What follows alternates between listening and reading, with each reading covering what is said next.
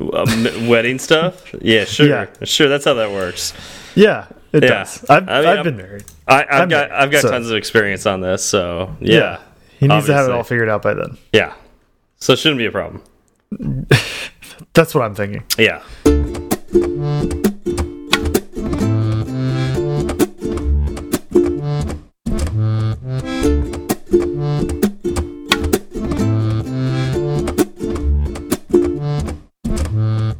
What's up, y'all? I'm Zach.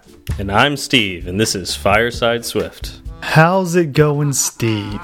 Pretty good, man. Uh, it was a good week. Um, I'm pretty tired though. I think I think it's mainly because I did almost nothing this weekend, and uh, it seems like when I do almost nothing, I just I'm even more tired than normal. How about yourself? It's weird how how doing nothing tires you out. I mean, I know. wasn't it only a couple of weeks ago that you went on your YouTube Spirit Quest where you also did nothing that week? Yeah, well, yeah, that was like the whole break though. Like I had a whole week of that. Oh, um, okay. Yeah, Okay.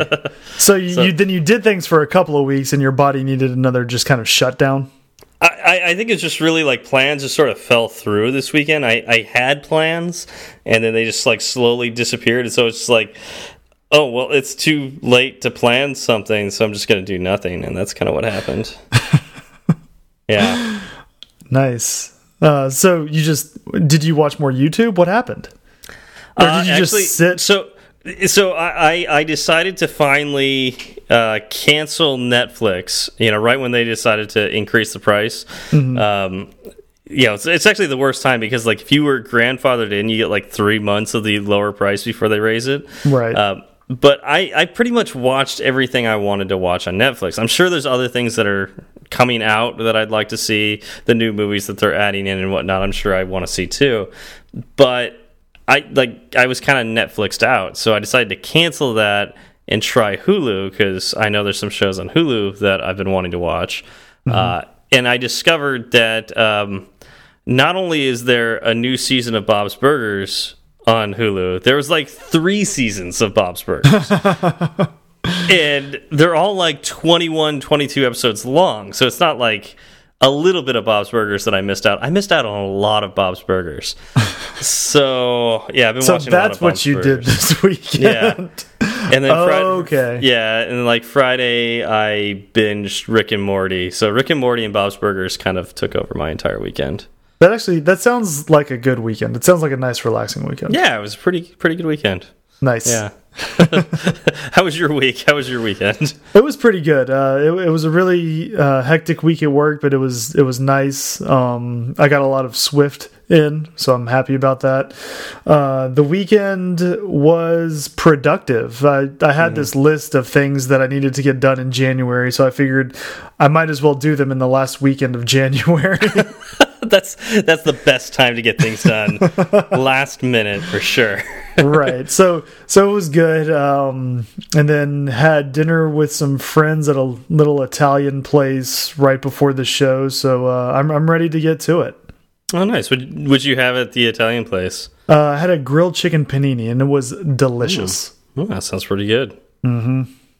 All right. Well, before we get too deep into the the whole podcast, let's uh let's do a quick sponsor break and talk about Sentry for a few minutes. Is that cool, Zach? Yeah, that works. All right, so Sentry. Sentry is an open source framework that you can add to your code that'll help you catch crashes and misbehaviors as they happen. Uh, you can add it to your iOS code, your Android code, and even your web code. And uh, you'll get a nifty email when something goes wrong. You can take a look at it, you can see a stack trace, and uh, really pin down where something went wrong. Uh, because the reality is, as much as we try and as, as you know, as, more experience as we get, we're never perfect and we never write perfect code, right, Zach? That is painfully correct. Um, you know, go software developers tell talk about bugs the way you know veterans talk about wars. You know, the, they'll say, "Oh, I remember the great uh, whatever rating bug or the great table view bug of June 2016," and you know, they they remember these things. Why? Because it's painful when it happens. Um, you know, stuff will happen. It will crash your app, and your users will not be happy about it. Which is why you need something like Sentry, so you know 100 or all of the time when when something bad happens in your app. And there's nothing better than you know encountering one of those terrible bugs but but figuring out what went wrong and and asking yourself the question how did this ever work in the first place? And sentry can help you find that faster. So uh, it, it's something that, that will really help you in your career moving forward. Uh, it's free to get started. Uh, it's easy to, to add to your code and they have a ton of uh, third-party plugins and premium features. Uh, and they're premium because they do cost some money. If you want to get into that, though, uh, you could use our promo code Fireside Swift, all one word. Uh, go to Sentry.io and sign up and uh, put in that code, and you'll get hundred dollars off your uh, your initial bill. Yep, and we would like to thank Sentry again for supporting Fireside Swift. All right, Zach, do we have any follow up this week? Do we have any follow up? This is another one of those weeks that's full of follow up. It makes me smile. I love hearing from people. uh, um, let's dive in. Let's start with uh, at iOS Dev Health on Twitter said um, hashtag 100 days of code, three out of 100. So early in those 100 days. Yeah, we're early here. Okay. Got a, got a lot more to do at iOS Dev Health. I hope you keep at it. Uh, yeah. Said on my commute, I listened to episode seven of At Fireside Swift with uh, SW Berard and Z Falgu One discussing discussing closures. It's a topic I suspect that I think I understand, but probably don't. Send me some real world examples. So did uh, okay? So I I retweeted this because I was like, "That's cool," and I can't think of any right now. So let's see if anybody else can think of it. Uh, did anybody respond with uh, some cool examples? Not that I saw. Um, Kilo Loco did reply with "closures are better than delegates," which I thought was interesting. I, I mean, in in some ways, I agree with him but I I, I feel like they're two different tools. That mm -hmm. uh, a, a, closure is great when you have only one method that calls back, but if you've got multiple things that call back, that's when you want a delegate. So, but I think I'm gonna I'm gonna go with what Kilo Loco's trying to say here is that I think some people overuse delegates instead of using closures when they could, and that's probably a an accurate statement. But otherwise, I, I don't think I can agree with him. oh, we're, we're, gonna have to have a throwdown. I, well, it, it's just they're they're two no. different tools, and I want to so, see I want to see y'all fight. uh, well, maybe we'll we'll we'll put that on YouTube or something like that because you know. Kill uh, Logo's I mean, got all, all the YouTube, uh, all the sorry, the film equipment and all that. Yes, yeah. You'll just have to swing by his house, grab some boxing gloves. I'm sure. There we fine. go. You'll get yeah. all the clicks. Yeah, yeah. uh, speaking of throwing down, um, O. Thomas, 1984. Uh, he oh, he called you out. He called he did. you. He called out. me out. Yeah, um, yeah. So he asked me, or he he, he basically yeah, he asked me if it was a fair characterization to say that Kotlin was older than Swift, which is something and you said last episode. It is. It is something I said. Uh, it's something that somebody else brought to my attention a while back, and it's like, yeah, I knew that they were roughly the same age, Kotlin and Swift, but uh, I, as way I understood it, is that Kotlin is older than Swift. Uh, looked up on Wikipedia, and apparently Kotlin first appeared publicly in 2011. Uh, and then Owen responded with uh, saying that well, you know, the 1.0 release of Kotlin was in 2016. Now, that's something I didn't know about. So he may be completely accurate in this. Is that they went more they went public with Kotlin earlier with a very like alpha release, mm -hmm. whereas like Swift could have been in development at the same time too. Just like they kept it behind covers, uh, and that you know Kotlin reached its 1.0 in 2016, whereas Swift reached its 1.0 in 2014. Mm -hmm. Of mm-hmm. course, version numbers, you know, they don't really mean a whole lot. Um, it just means that now they believe it's fairly stable. And we right. all remember 2014, Swift, while being a fine language wasn't quite all there yet either. Uh, so the I think I think when it comes down to it, Kotlin and Swift are roughly the same age. You were able to use as a programmer not working for JetBrains. Uh, you were able to use Kotlin at a much earlier date than Swift, uh, unless you worked for Apple. Uh, so I, I yeah, it's it's it's a, it's a little fuzzy issue, but. Um, yeah, they're roughly the same age, and it's kind of neat to see them growing up together. Indeed, indeed, it is. uh, All right, what we, else we got? We also heard from iBlazion3GS. Uh, what a name. I love it. He said, uh, finally caught up on Fireside Swift podcast and really have enjoyed it. Question for at zfalgu1 when you stated you would spend every chance you could coding swift what would you do I want to devote more time coding, but have since ran into the stall of tutorial purgatory. Um, well, at iBlazion3GS, I really just wanted to say your handle again. Uh, so the tutorial purgatory is real. I completely understand that. I hit the exact same wall. Um, I went through, you know, a few books, some of those books multiple times. Um, I did a tutorial on Udemy, and once once you get to that point, you think, okay, what's next? You can you can only do tutorials for so long before you need to kind of step out on your own, and that's that's kind of the uh, realization I came to. So when I when I finally got tired of looking for a new tutorial that would show me a new way to I don't know make a make a table view or something, I decided now's the time for me to actually begin coding something for myself from scratch. Um, so I started building my own app. I, I, I started to build QuizPal and realized uh, it was going to be nice to have a mentor, someone to ask specific questions to. So I started a podcast, and here we are now. um, and the podcast, you know, it came with its own opportunities to write more Swift code outside of what I was doing on QuizPal. So that was real nice as well. Yeah, no, that's that's a really yeah a way of going, and I, I, would always recommend that once you hit that point where you feel like you're just doing tutorial after tutorial after tutorial, now it's time to actually make an app and ship it for sure. Like that's that's a big uh, like I want to say like coming of age thing to a developer is to, to ship something, uh, and it's it's not that expensive or hard to do in uh, mobile app development, whether that's iOS or Android. So mm -hmm. um, I highly recommend getting something out there. Uh, but if you still want to, like, let's say you don't have that kind of time on your hands for whatever reason. Um, I I've mentioned it before. Um, and I still try to do it as often as I can.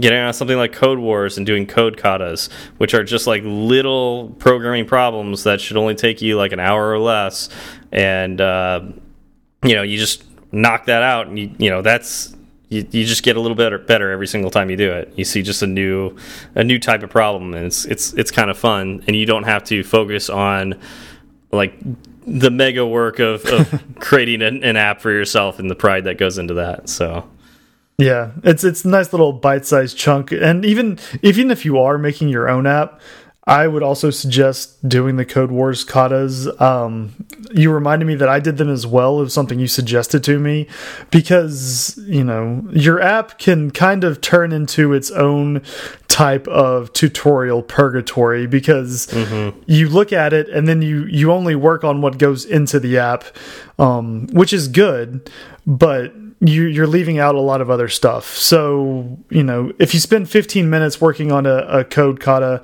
that you don't spend those 15 minutes working on your app, you can actually end up with a better app because you're exposed to new ideas and new ways of working through problems. Totally.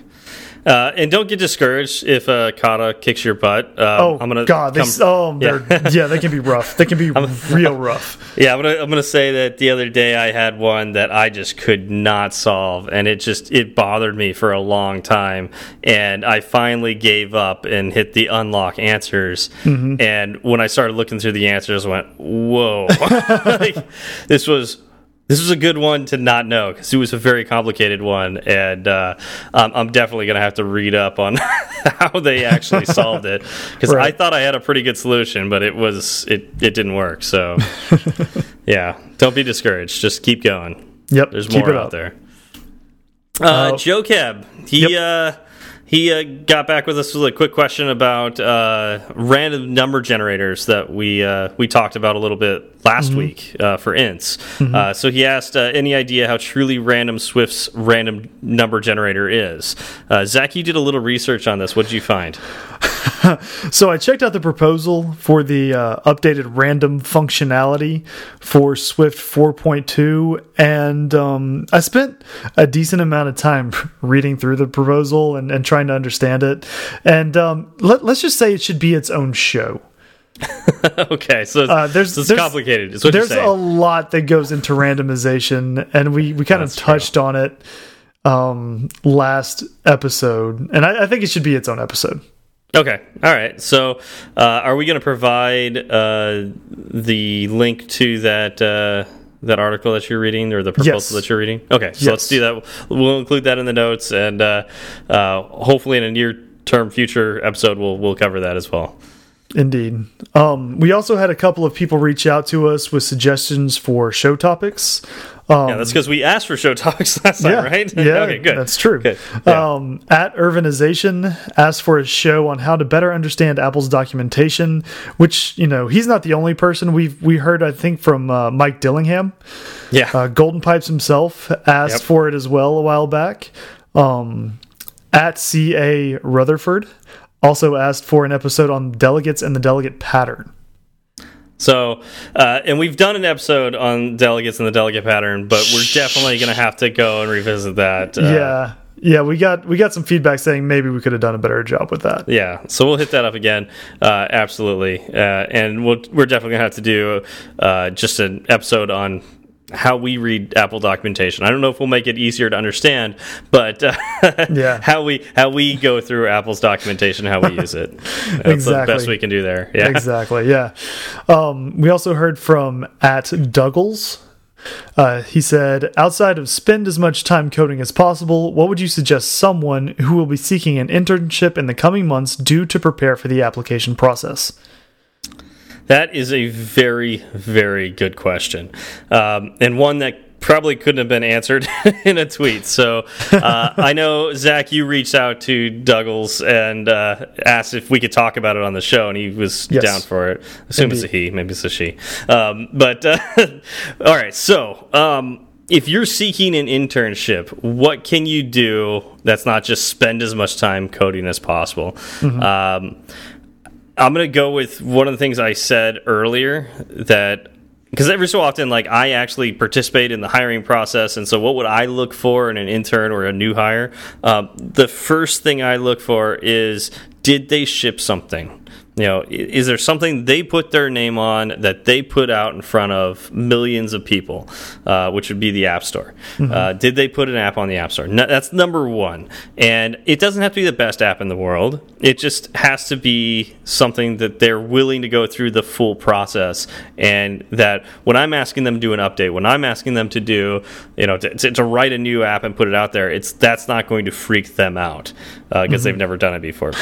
Right. So that's that's the first thing uh, I would say.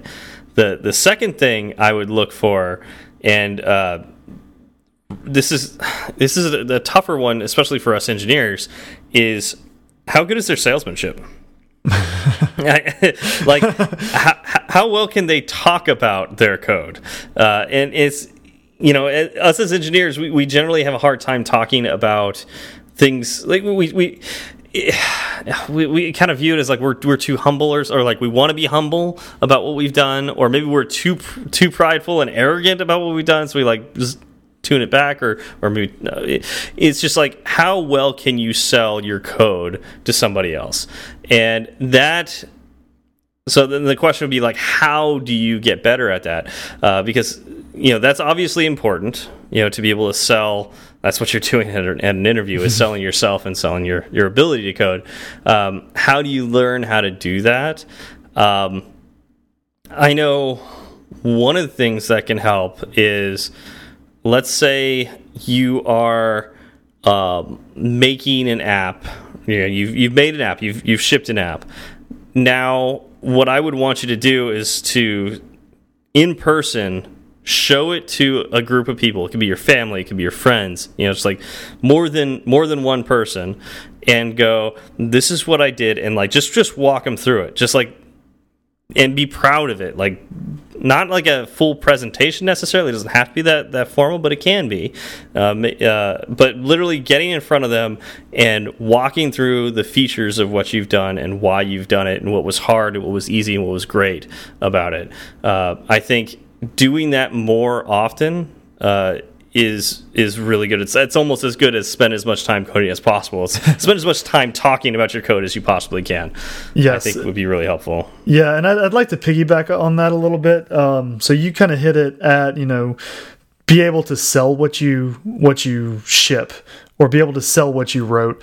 Um, you also need to be able to talk about it from a technical point of view while you're selling it. Um, because you need to learn how how to code. That's going to be important. How to talk about it. That's also important. Um, you know when you sit down in front of the uh, prospective employer or whoever's doing the hiring process um, you can write out what you did to you know solve your issue and they're going to ask you why. Why did you make this decision? Did you consider anything else? Why or why not? Um, and being able to explain yourself and articulate is uh, articulate your decisions is going to go kind of far in their minds with you know okay well i see that they thought this out or it's even better because if you make if you make a decision that they perceive as wrong, but you're able to at least back it up and show them why you made the decisions you made, then uh, I'm not saying they'll be lenient on you, but you'll show that you were thoughtful in the process.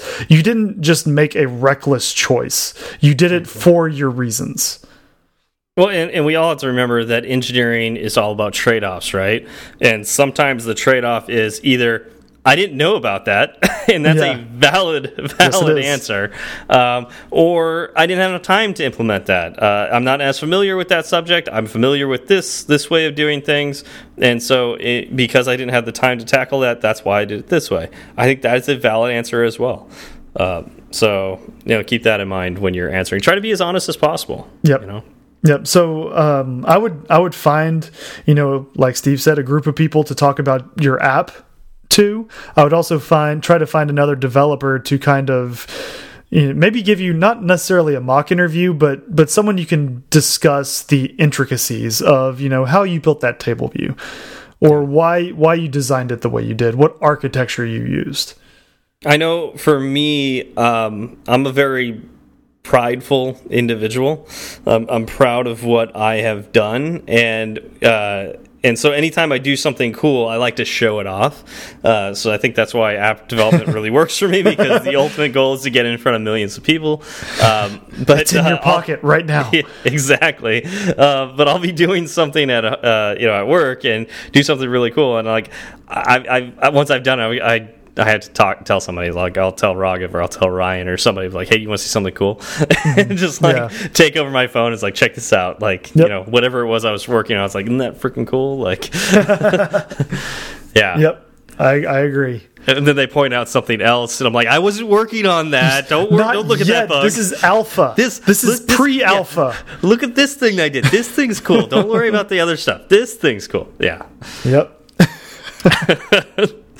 so if you could find people that you could do that with, uh, you know, maybe a significant other that you can show off your your app to as you make progress, uh, I know that helps. For yep. you know that you'll you'll be able to explain what you did because they'll be like, you know, what? Wait, I, I don't know what you're you're showing me, and you have mm -hmm. to mm-hmm. explain you know piece by piece well this is really hard to do this cool animation but i figured out how to pause it and to reverse it and all that kind of stuff and now look how smooth it is and you know they go oh yeah that's really neat Yep. And they um, they might not yeah, they might not care, but you know, you care and that's what uh, matters. And going going back to, you know, I started a po podcast to have a, a, mentor and someone to talk to while I was developing QuizPal. Um, I was able to talk to Steve about, you know, the decisions I made and uh, why I made them and he would he would actually, you know, ask me to go into more detail or say you know what what are you trying to achieve with what you just wrote? And there were times when things i wrote made sense and then there were times when talking to him i realized the things i wrote didn't really solve the problem i meant to solve. Um, and so that helped out during my job hunt quite a bit. Yeah. Yeah. And that's i mean like if you could find somebody who could code review for you that's great too. Uh, but mm -hmm. that's that's tough because yeah, that's yeah it, I know, like me when I'm code reviewing, that's just that can be a little bit of a burden to like. Yes, it is time time burden, but yeah. Yep. Hey, if you can find somebody who can do it for you, more power to you. That's great. Agreed. Uh, so now we have something that isn't necessarily feedback, but something I would like to clarify. So, um, at Alfonso Sensley on Twitter, he sent out a tweet and asked, "How do you gain confidence as a developer? I feel very confident in my in myself as a person, but as a developer, not so much at times." Um, I replied, "Write code, then keep writing code. When you're finished writing code, talk about code, then write some more code. It's all a process. The more you do it, the more comfortable you'll feel, and the more confident you'll become. Think about or think back to when you learned to ride a bike." Um, so I still I stand by what I said there, but Twitter is a great place to read things out of context, and I didn't want that to come off as a me saying all you do is code 100% of your time every day all day and if you're not doing code you're doing something wrong. Um, that's not that's not what that that uh, tweet was meant to convey. It was supposed but, to say, you know, that's how that's how I learned to ride a bike is I I ride the bike, you know, all the time. Right. In the shower know, in the shower, meal yeah, times, while I'm heading down the hallway to, to get to the elevator to go downstairs. I'm in the elevator bike. itself, yeah. going down the stairs, going up the stairs. Mm -hmm. um, yeah, right, right. Uh, and so I, I, know that I didn't want someone to read that, and someone still may, uh, and think, oh, if I'm not coding all the time, then I'm going to fail, and that's that's just not the case. You need to have balance in your life. If all you do is code, you're going to get burnout. You're going to go crazy and it's not going to be a good time. Um, another thing that I think that that that tweet may convey and I'm hoping it doesn't is that I figured it out. Like I always have confidence in myself as a developer 100% of the time, which is also very not true. Yeah.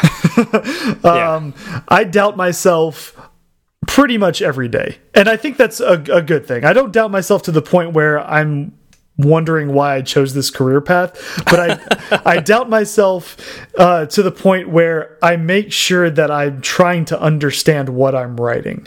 Um, again, you will write bugs in your code, uh, but I think if you if you question what you're writing and why you're writing, you'll end up with more thoughtful code and hopefully less bugs.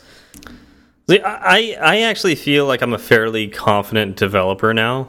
Um, there are certain things that I'm not as confident in, but I think one of the ways I got to being a confident developer was no matter what problem was thrown at me, eventually I figured out how mm -hmm. to answer it. Yep.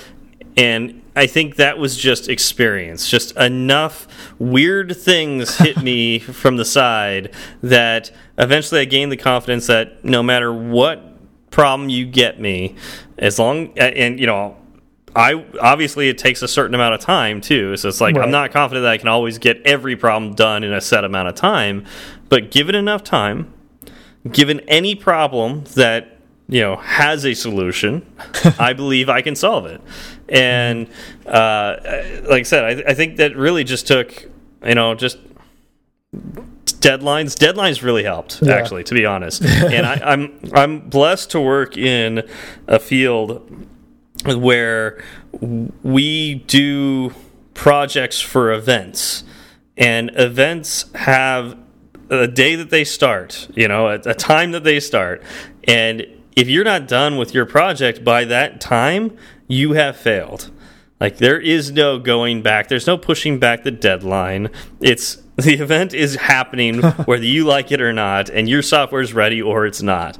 Right. And um, I've gotten enough of those projects where it's this crazy deadline, and I've gotten the thing done anyways. Uh, that I feel like I can pretty much handle anything that you give me as, as and I'm I will push back if it's not enough time, mm -hmm. but uh, it has really affected the way I code now, where it's I I'm not worried anymore. Right. And that's that's what I was saying when, you know, write code, keep writing code. It's just gain experience. You yeah. don't need to you're not going to do it all in a day. Um and to your point, I am more confident now than I was when I first started developing. When I first started developing, I, I was in that mode of why am I doing this? I'm no good.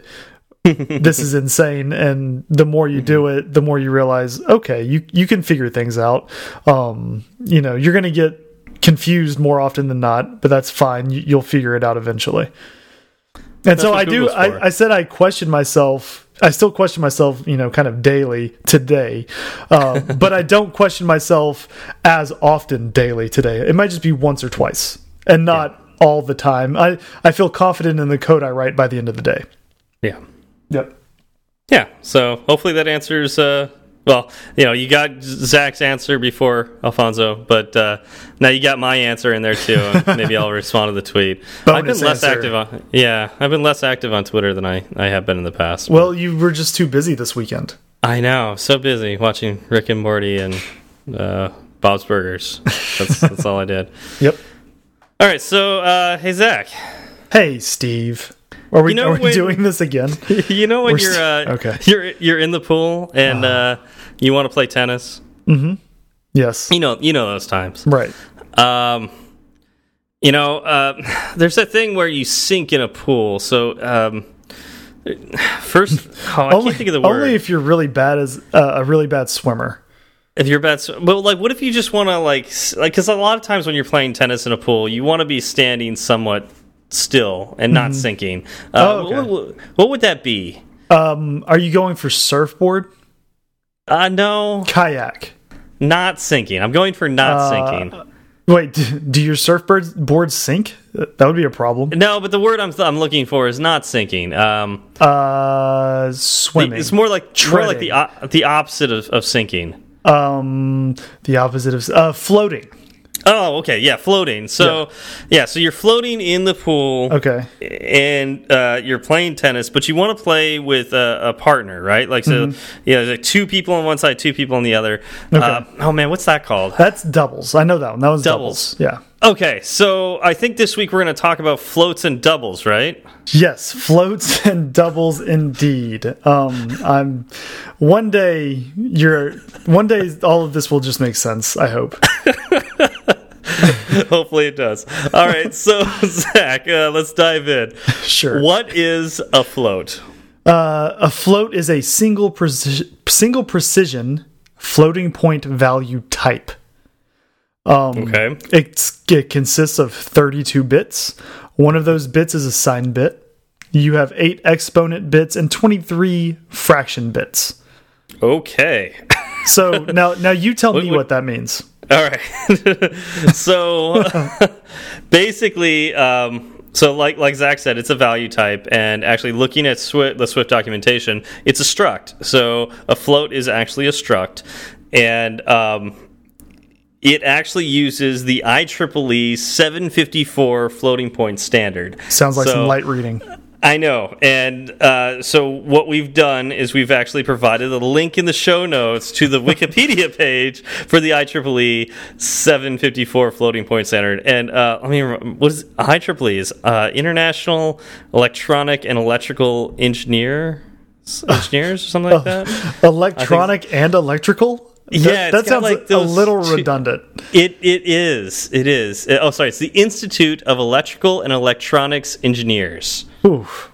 There we go. So yeah, they use electrical and electronics as if they're different. I mean, they kind of are, but yeah, it's it's you're splitting hairs at that point. So, anyways, uh, electrical engineers determined what a floating point number should be. So that's something you should get in your head, Zach. Just remember okay. that. Uh, so not not computer scientists, electrical mm -hmm. engineers. Mm -hmm. um, anyway, so. Basically it's 32 bits and we mm -hmm. talked about bits last week uh, when we talked about integers you know bit a bit is a 1 or a 0 one of those bits is a sign bit so that determines whether it's positive or negative okay so you're left with 31 bits. Yes, we've got 31 more bits to play with. Sure. 23 of those will determine the fractional point. So, like uh, the uh, let's like the basic number. So it's like let's say it's like uh, two point. If we're we're gonna just say I don't know 230, right? So that'd be 2.3. So we would determine that we would use some of those bits to make 2.3. Um, and then we'd use the exponent bits to determine how many times 10 that is. So we get 2.3, uh, and then we multiply it by uh, 2, or sorry, uh, 10 to the power 2, not multiply by 2, but 10 to the power 2. So we multiply by 100, and so that would make 230. So that's essentially you eight bits to determine how many times you can uh, so you could take 10 to the power of, so the power of 10. Okay. Is that is that clear? I don't know. Sure. Yeah, no, no, that that makes sense to me. Okay. Um, and and so we could get pretty accurate with this because we got 23 bits for that the value part of that before Mm-hmm. we talk about multiplying 10 to the power or whatever. Right. Okay, that that makes sense. And and what's fun is so if you open up a playground, uh, if you want to understand what the precision kind of means, you can make yourself uh, like a var two as float equals float.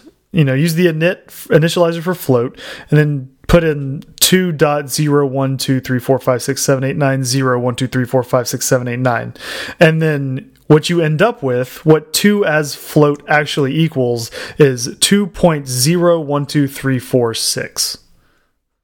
Yeah, so it rounded that 5 to Mm-hmm. a 6. Exactly. Um, and that's as that's as accurate as you can get there. yep. Now, that's with a float. That's with a There's something called there's something called a double. And this is actually more common in Swift. right. Uh, so what is a double, Zach? So a double is a double precision floating point value type. It is 64 bits, which is appropriate. Uh, it's one sign bit, 11 exponent bits, and 52 fraction bits. So we had eight exponent bits before. Now we add three more exponent bits.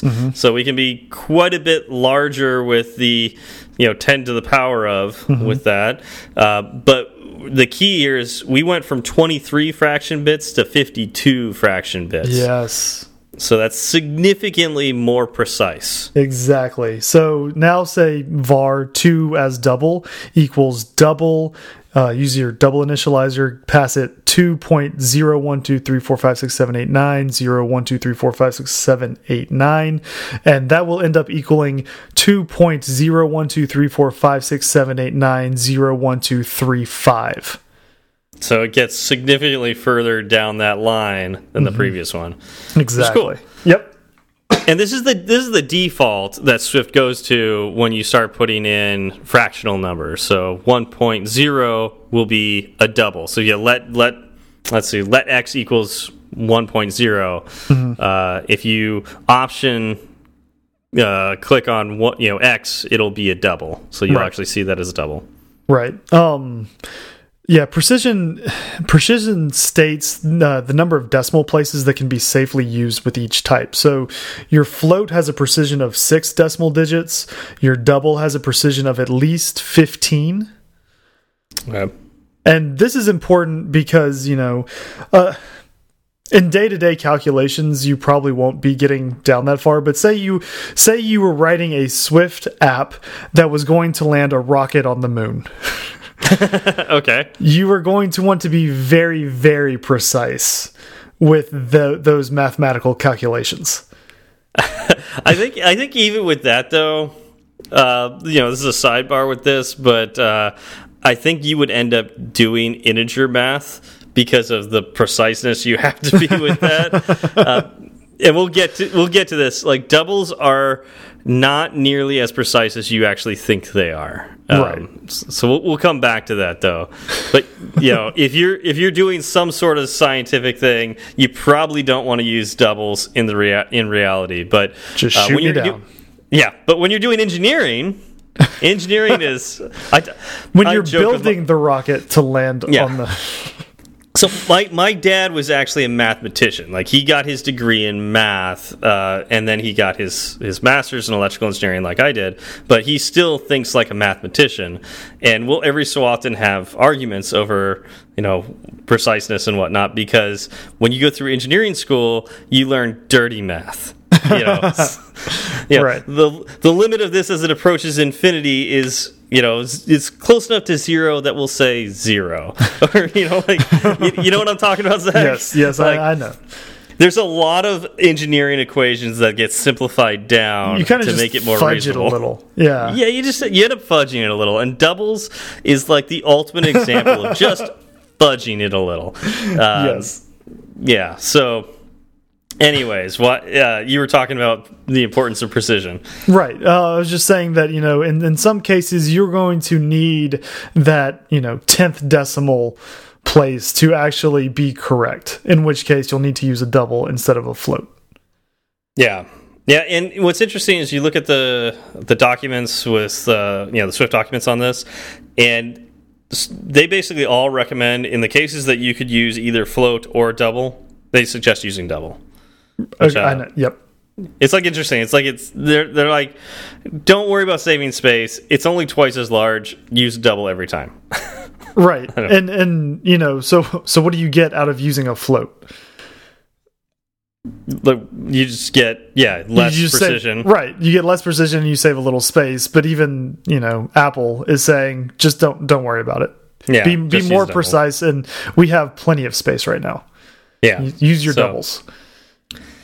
Um. Yeah. So, but but you know, it's funny that double gets its name as being twice the size of a floating point number Yep. uh, in memory. So, Yep.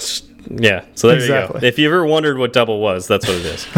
Yeah, so you can you know store a wider range of values as well as being more precise with a double. Um, and if you kind of if you want to see you know that in action, type uh, open up a playground type float dot greatest finite magnitude, and you'll see kind of the upper bounds of what a float is. Um, you can also look at the uh, greatest finite magnitude of a double and see how much larger that is. Um, let's just say there's a, there's a large difference. yes. So this is this is really interesting. Looking at the greatest and least. Least normal magnitude. Oh, normal. Okay. What's the difference between? Is there a least finite magnitude? I don't believe so. Oh, interesting. So, um, anyway, so there's float dot greatest finite magnitude that equals 3.402823 times 10 to the power 38. So it's a pretty large number. Um, oh, the least normal number. So this would be without a negative then.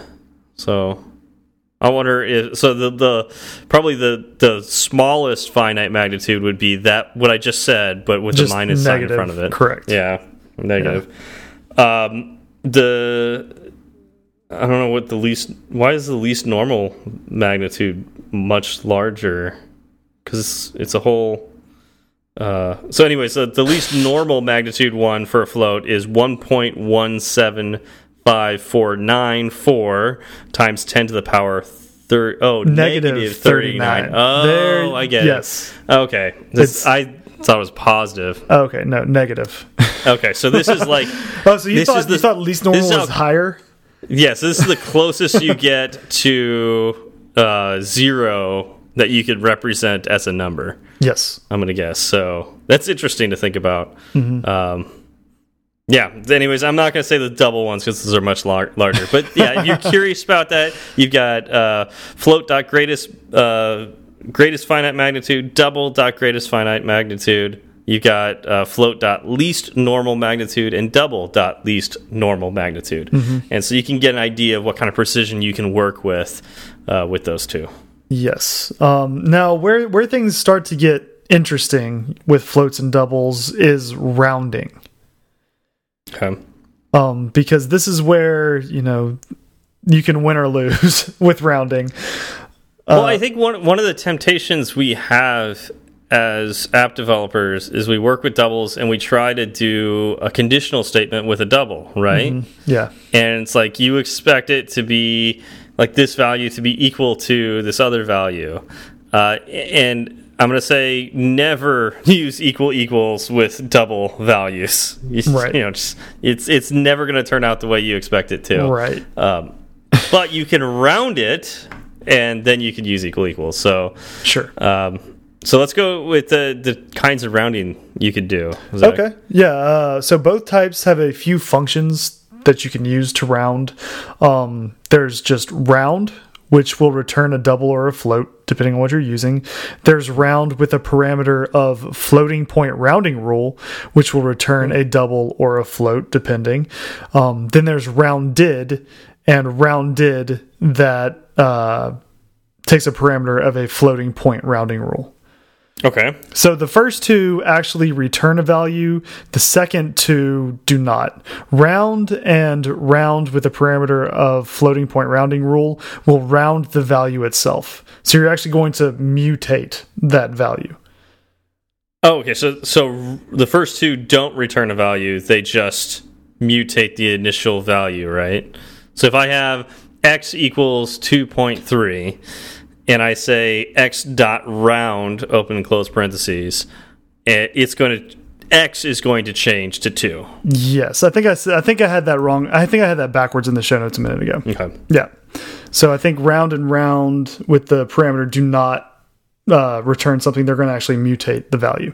Yeah. And then rounded. So if I did um, again, uh, so now I can actually do let x equals 2.3 instead. I'd have to have done a var x. Uh, in this case, let x equals 2.3, and then go let y equals x dot rounded open and close parentheses. Y becomes two Right. because and x stays the same as 2.3. Exactly. Um, Okay. And so round and rounded both use quote unquote school book rounding. uh, meaning, you know, I guess if it is five or greater, you round up. If it is less than five, you round down. Okay. Um, the two that take the floating point rounding rule, uh, well, you actually get to kind of define what it's going to be.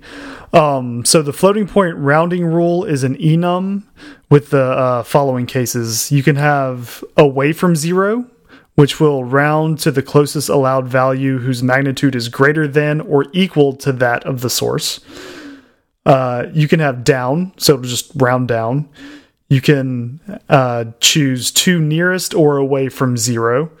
And what that does is it rounds to the closest allowed value. And if you have two values that are equally close, the one with the greater magnitude is chosen. So, and this is always rounding to the nearest integer value, right? Yes. Okay. Yes. So Um, if it's yeah. So if you want to be precise to uh, the nearest uh, two decimal places or something like that, you'd have to multiply by 100 first, then round, then divide by 100. Correct? yes. Okay. Yeah. Um, so then there are a few more cases to nearest or even, which will round to the closest allowed value. Um, and again, if two values are equally equally close, the even one is chosen. Uh, you can round towards zero, so you round to the closest allowed value whose magnitude is less than or equal to that of the source, or you can round up, uh, which is round to the closest allowed value that is greater than or equal to the source. Okay. Yeah. So I didn't realize there were that many different ways you could round. Uh, but there you go. Yeah. Uh, you can choose how you want to round. Yep, I uh, I didn't know that either until I started writing these notes and looked into what a floating point rounding rule was. Yeah. But That's it's nice. crazy. It's nice that you get that much control over it if you want it. Sure. Yeah. It's like it's not just one way, and you don't have to write these ways. Like, I mean, you could. These aren't like crazy, insane algorithms to write on how to do rounding. Um, but it's nice that you don't have to think too much about it. Uh, you could just put in your own. You know, it's got all these cases, and I can't think of one that you wouldn't. Yeah, that's not on this list, but you know, I'm sure there are other ways around. Well, I Um, to be fair, I couldn't have imagined uh, more than four from this list. So Well, the to nearest or even that one. That one I had never heard of before. yeah, I know. um, that one's intriguing to me. um, cool. yep. All right, so let's talk a little bit about something that blew my mind when I was learning about floating point numbers. Sure. Um, so if you get a playground open, I want you to do something like this. Uh, type let number equals 0.3. Mm -hmm. And then I want you to multiply that number. So, like the next line, do number times three. And let me know what you get. It's, I mean, it's going to be 0.9, right? Every time? It should be. It's it going to be, be. It's 0.9. I, I don't even need to type this in. It's 0.9. I know this. Oh, well, you, you definitely have to type this in. I'm not, I'm not going to type it in. 0.9. Okay. All right. Well, I, I typed it in. Okay. And, uh, and you got 0.9. And you do not get 0.9, uh, which is really interesting. Um, and I, I, highly recommend any of you to do this uh, if you want to be kind of just like a little bit mind blown when it comes to doubles. Uh, there is no way to represent 0.3 as a double or as a floating point number in uh, that that standard we talked about. It just it's not possible uh, because remember everything is uh, values of um, yeah uh, what's that called? Uh, two uh, oh jeez uh, I can't think of the word right now where it's two to the power of something because we're using all ones and zeros. But binary? Or yeah but I mean it's yeah. because that's technically it, what binary is right?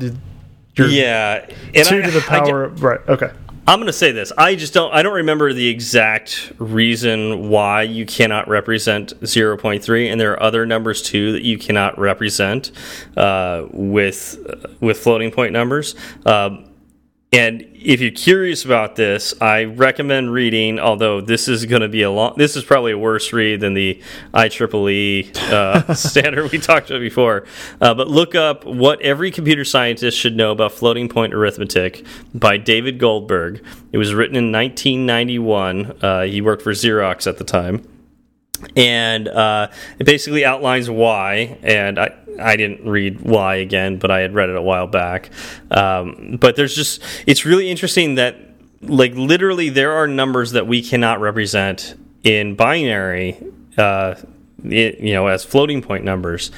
And so when you multiply them together, because it can't fit in memory like you would expect it to, uh, it's going to round and it's going to try to do some interesting things. So when we take 0.3 and multiply it by 3, instead of getting 0.9, we actually get 0.899999999 until it ends, you know, with, with memory.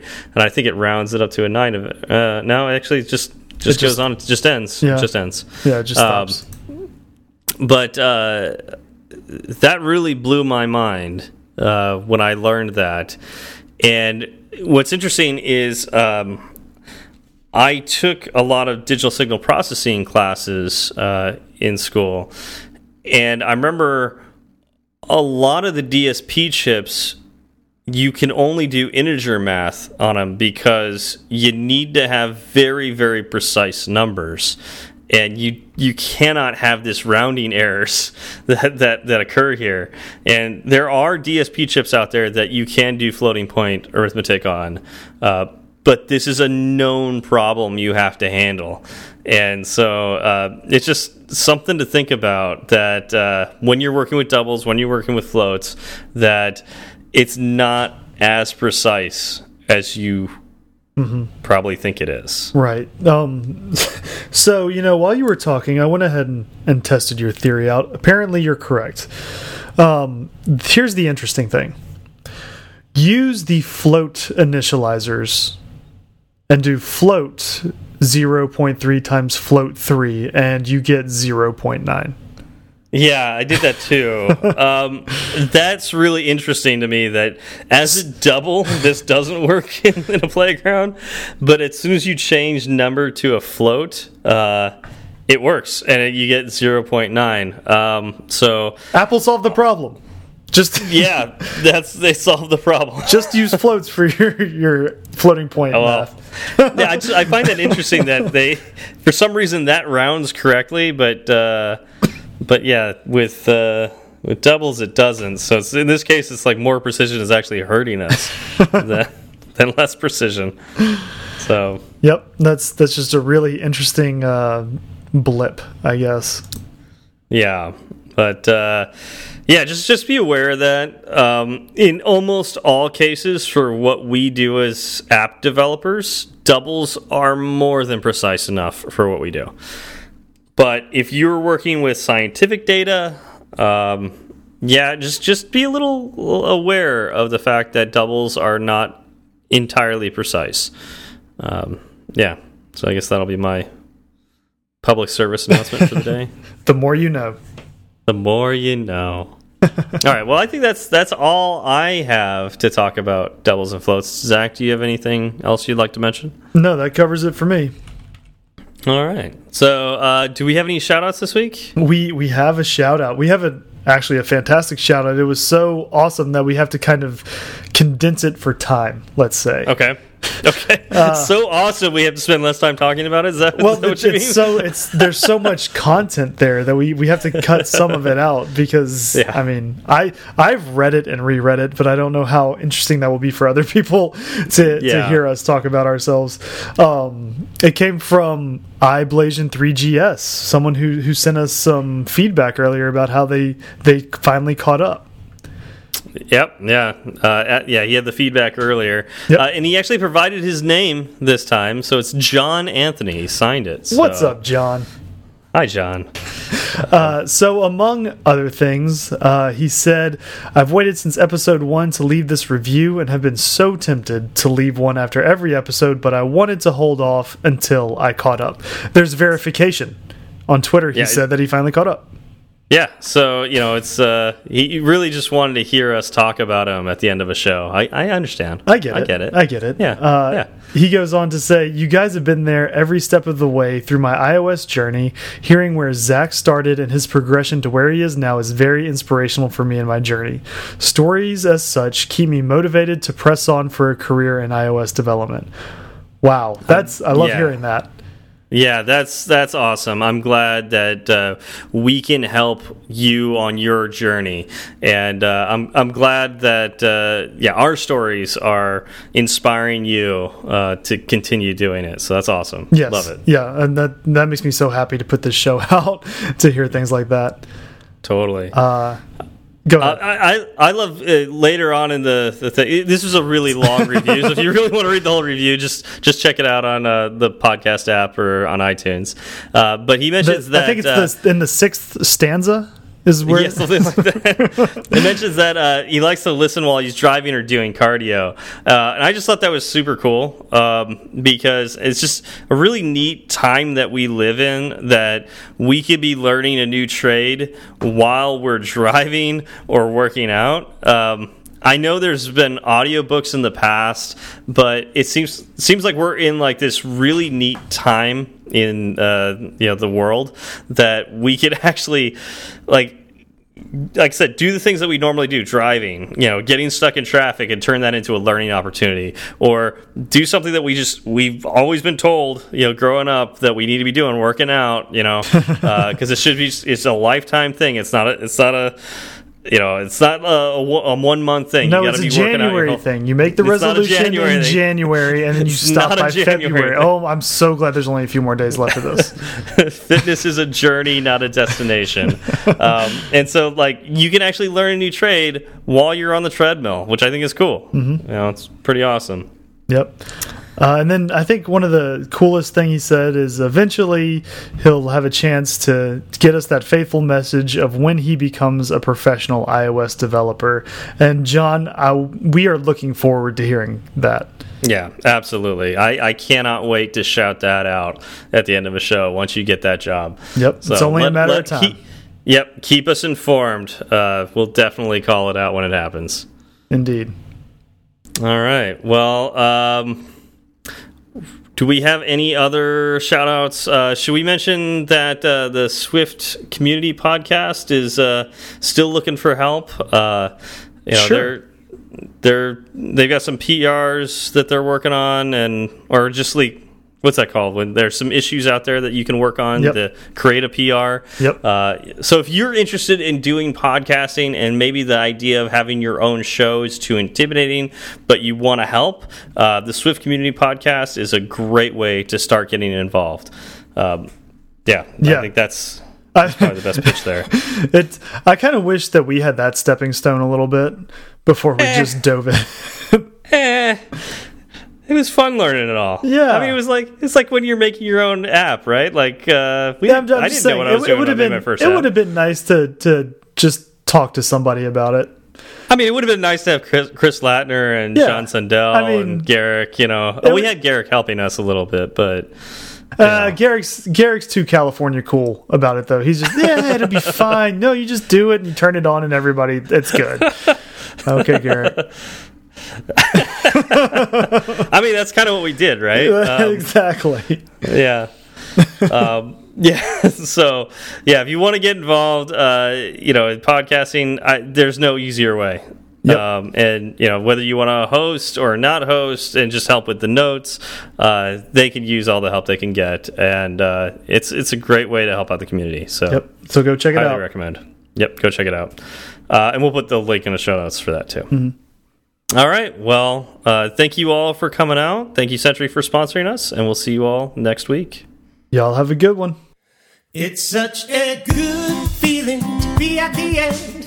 A happy feeling that there may have been a mistake or two. So we'd like to hear from you.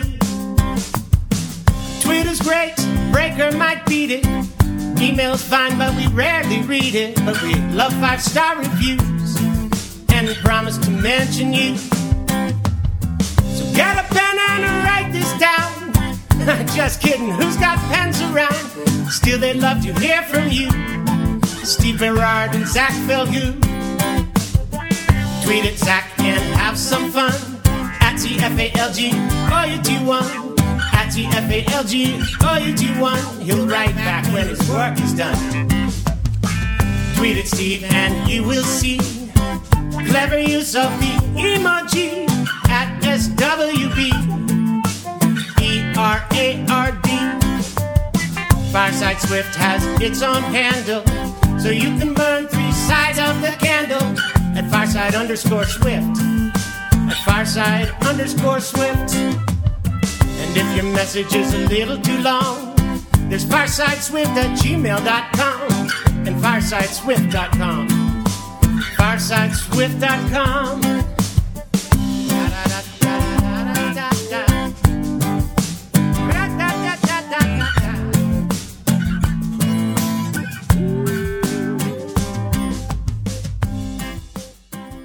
I was having dinner with some friends at a Okay. at a local Italian place. It was delicious. Um, but they have they have uh, a nice little playscape kind of area for the kids. Um, and it's Oh, I not thought you were talking about. I, I thought you were about to say that you use the playscape Yes, area. I mean, I wish. I wish. thanks, cultural norms. when thanks, did, yeah, society. when did we get?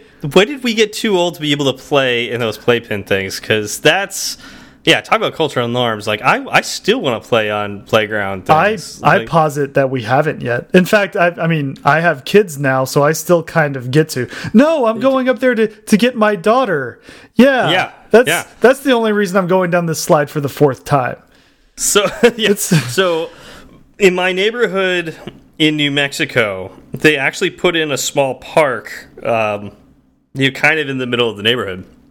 And it was the most futuristic, cool-looking park I think I'd ever seen.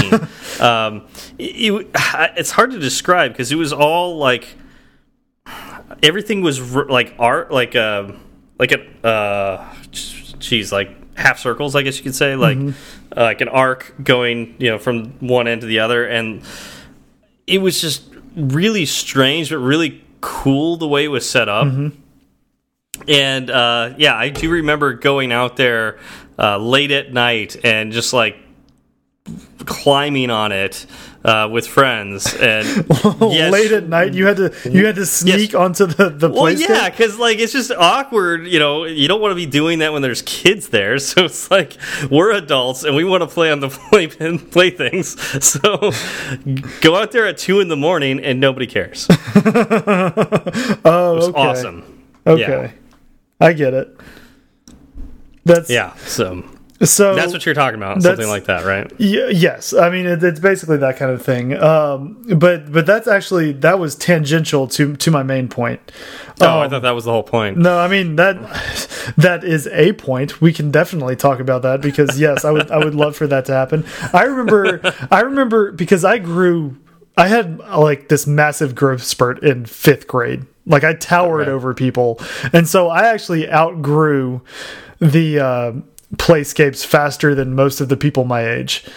Um, That's so but That's, sad. that's beside the point. I, it's not like I'm carrying around a lot of hurt. Uh, It sounds like I day. hear I I hear it in your voice, the pain. That's I was always wondering what that was, you know, and now now Yeah. I can identify yeah. it. It was, it was I you know I would try to do the monkey bars, but my feet would drag the ground. It was a problem.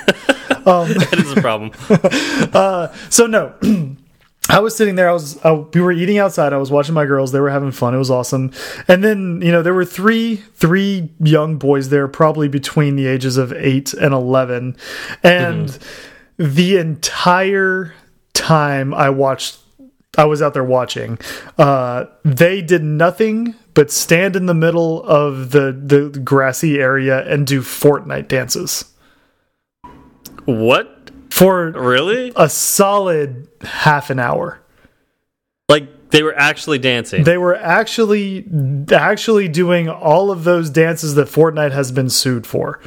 Wait, so is that act wait, is that a Fortnite dance at that point then or an actual dance? It's so that's that's it- the thing. That's the thing. So it is the dances that Fortnite kind of made popular, made it memey, if you will.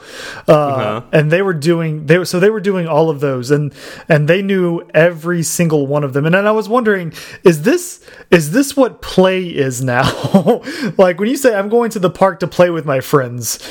Do you do you just go out there and do Fortnite dances? Is that is that what's happening?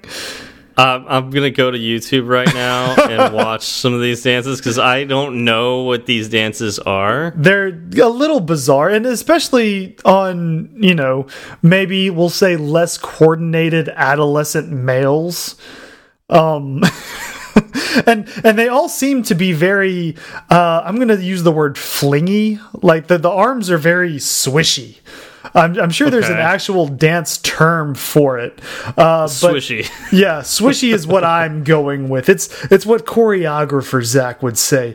Um, be more swishy. Okay. And I, you know, they they nearly punched multiple children in the face because they were standing in this this kind of tight circle, fleeing limbs to and fro. And and small children were just running around them, and no one was paying attention to anything. And and it was just kind of bizarre for me to see this. And then I, I thought back to where I would be if I were between eight and eleven years old, and I, I I would probably be right there with them, doing the exact same thing Really? nowadays. I feel like I wouldn't be doing this. I- um, Come I don't on, know. Come just- on. We uh, last so week we I'm- talked I'm- about how I'm- you played Magic in public. You don't think you'd be doing Fortnite dances? no, I, I- don't think I would be doing. Well, just No. I'd be curious. I'd be curious if if if, if something like these dances were as cool. But here's Dancing the thing. Here's the thing. Fortnite. Fortnite is more culturally acceptable in that age group than Magic was when we were growing up, and you still did it. Well, but dance. There were dances back in our age too, and it's like I didn't know how to nothing dance, like or this. Nothing like this. maybe not. I don't know. It didn't permeate like every piece of, uh, I guess, social whatever you were getting, right? Like it wasn't on every TV show. There was no Twitter or Facebook or whatever to see friends doing it or, you know, celebrities doing it. So the catalyst was kind of missing. We had MTV. we had MTV, but MTV wasn't wasn't what it is now. and Well, it's like I do. I do. I, I'll bet. I, I think I vaguely I did it like, because like- Carson Daly told me to. Exactly. Or Britney Spears told me to do it. Britney Spears made me do it. Britney um, Spears can make me do anything. Uh, but no, it's like I, I can imagine. I can imagine like back. I don't remember this actually happening, but I can imagine it happening where like there could be a group of people that like were so into dancing or like break dancing or something like that, and they would get in a little group and do their dances during recess and whatnot. right. but I I don't I was never a part of any of those groups. Well, again, because that you were never into dancing. You had to be into dancing to do that. Yeah. For Yeah. these Fortnite dances, you do not have to be into dancing to do. It is part of your hobby already, which is gaming. I don't know. I I feel like like it's but like when you're playing Fortnite, you're not dancing. Your character's dancing. Well, you are not You're not playing correctly. you got to be more swishy. Oh, gotcha. Okay, I get it now. I get it. That's what I've been doing wrong.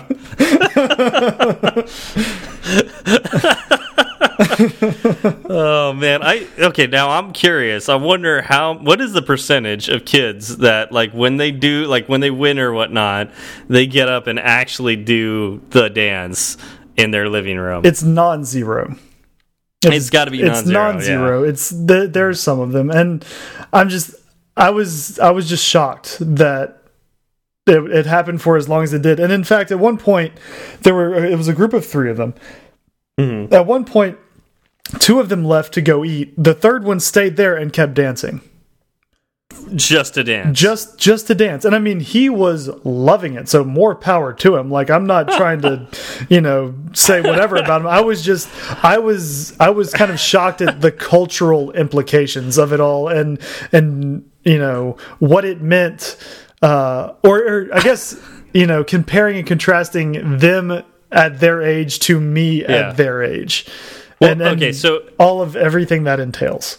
Do, do you watch Bob's Burgers or have you watched Bob's Burgers? I, I, is there a Bob's Burgers dance that you've been doing all weekend because you've been No, no. watching it? no, no. But have you have you watched it? I have Do you not. know the show? I have not watched it. Okay, that's gonna make this a little harder. Um, but there's there's a character in Bob's Burgers uh, named Jimmy Jr. And uh, it's kind of like that breaking the norm kind of character, where it's this uh, you know little teenage boy that all he wants to do is express himself with dance, and Right. uh, and so like um, Tina Belcher, Tina's one of the one of Bob's kids, and so she's like one of the main characters. She has a crush on him, and they always have this like little crush thing going back and forth between each other. Um, but uh, it's kind of like what you're saying, like breaking the norms, where it's like you don't hear little boys saying that, you hear little girls saying that, and it's neat to see. Like it's I don't know, it's just kind of neat to see like little boys are finding that it's okay to dance. Oh, now. yeah. No, If they were loving so- yeah, it's okay to express themselves with dance. Yep. and uh, it doesn't have to be as norm breaking. Well, and then if you if you want to if you want to go down that track, um, not only is it not norm breaking, is you know after they after they all finished dancing, after after the great dance was over, everybody ate. They they went back out on the playground and. um then they started playing football with another group of guys. So they weren't ostracized for it. yeah, yeah, that's cool. Yeah. because that I think that's another thing that during the times that we grew up, that would be frowned Oh, upon. oh, hell no. Yeah. no, no, no, no. That would not happen. Yeah, uh, yeah, So that's interesting. It was just I just yeah. I was just it's just weird for me to like. I mean, I'm still just like it. Like Fortnite is digital people dancing, not actual people dancing, and so it's like I know You- the but- dances are based off of real people, but like Right, but you also have to remember, you know, I think the lines are more blurred for kids growing up nowadays than it was for us, right? Maybe, Because yeah. our first video games uh let's just say yeah, Super Mario, right? It's an 8-bit character. You do not Yeah. tie yourself to that character at all because it's a blob. For for all intents and purposes, you can. speak for yourself. Oh wait, were you eight bit growing up? I I imagine jumping on turtles and and shooting fireballs Every and- time I saw a turtle, I would stomp on it. Oh yeah, absolutely. Oh, it was God. terrible for the turtle. So violent. for the turtle. yeah. But nowadays, Uh. you know, things that it looks more realistic. And I know Fortnite has a kind of a cartoony style, but you can Yeah. tell that it's a person. Yeah. Yeah, you can. and again, when you Uh, see when you see well, like Fortnite's getting sued for everything, so you see actual people doing those dances and the line becomes Yeah. blurred even more. Oh yeah, and I think that's that's probably where it happens. Is like this dance is in Fortnite because some famous music artist danced that way in their music video and made it popular. So Fortnite wanted to put it in their game. So it's like there's there's this interesting cross section where it's like I learned it from Fortnite, but the reality is Fortnite got it from a real person. So I know Right. it's possible to do. right, exactly, exactly. It all goes back back to the real person. Anyways, this really funny YouTube video of professional dancers try the Fortnite dance challenge.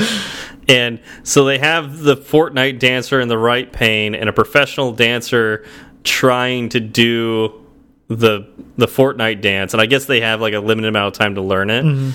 Um, and uh, they grade them on how well they do. They It's- probably need more swishiness.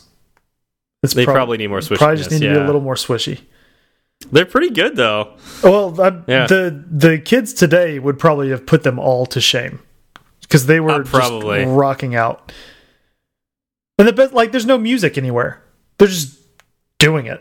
Yeah, that's so crazy to think. Well, yeah, well, actually, that makes sense because in Fortnite, there's no music, right? I mean, I guess there's like some ambient music, but like not the music that would go along with, With, that the song dance, or that right? dance. Or that dance. yeah. exactly. Oh, interesting. So yeah, I guess I guess the final question is, uh, Stephen Berard, do you do the floss? I have never tried, and it would look terrible. Oh, what? Did you ever see that one video of um, oh, the Good Place people? Uh, who? Oh man, what's his name? I should know his name. The The guy from Cheers. yeah. Uh, Uh, is it Tony? Is- yeah, I think is it I don't know. the good place. Ted Danson. Ted okay, yeah, it is Danson. Ted Danson. I knew it started with a T. So- So it's Ted Danson trying to floss, like trying to learn how to how to floss, and uh, what's his name? Uh, the guy who plays Chidi. I don't know. His, I'd have to. I'm on the Wikipedia page. Mm-hmm. he wasn't on Cheers, so I don't know him. I don't know him either, but My- he's he's great. My Um, entire he- my entire uh, he's- videographic lexicon is just people from Cheers. From Cheers, Yeah. yeah. but anyways, uh, he, Chidi's trying to teach Ted Danson how to floss, and while uh, Kristen Bell and uh, I don't remember her name, Jameela Jamil. Yep, yep. I'm, The I'm British- the Jameela, British- yeah, yeah. Jameela. Uh, she's yeah. Both of them are watching the two guys try to floss. And it's just freaking hilarious. That's awesome. Yeah. That was on Twitter for a while there, and I just enjoyed it. I'll have to check it out.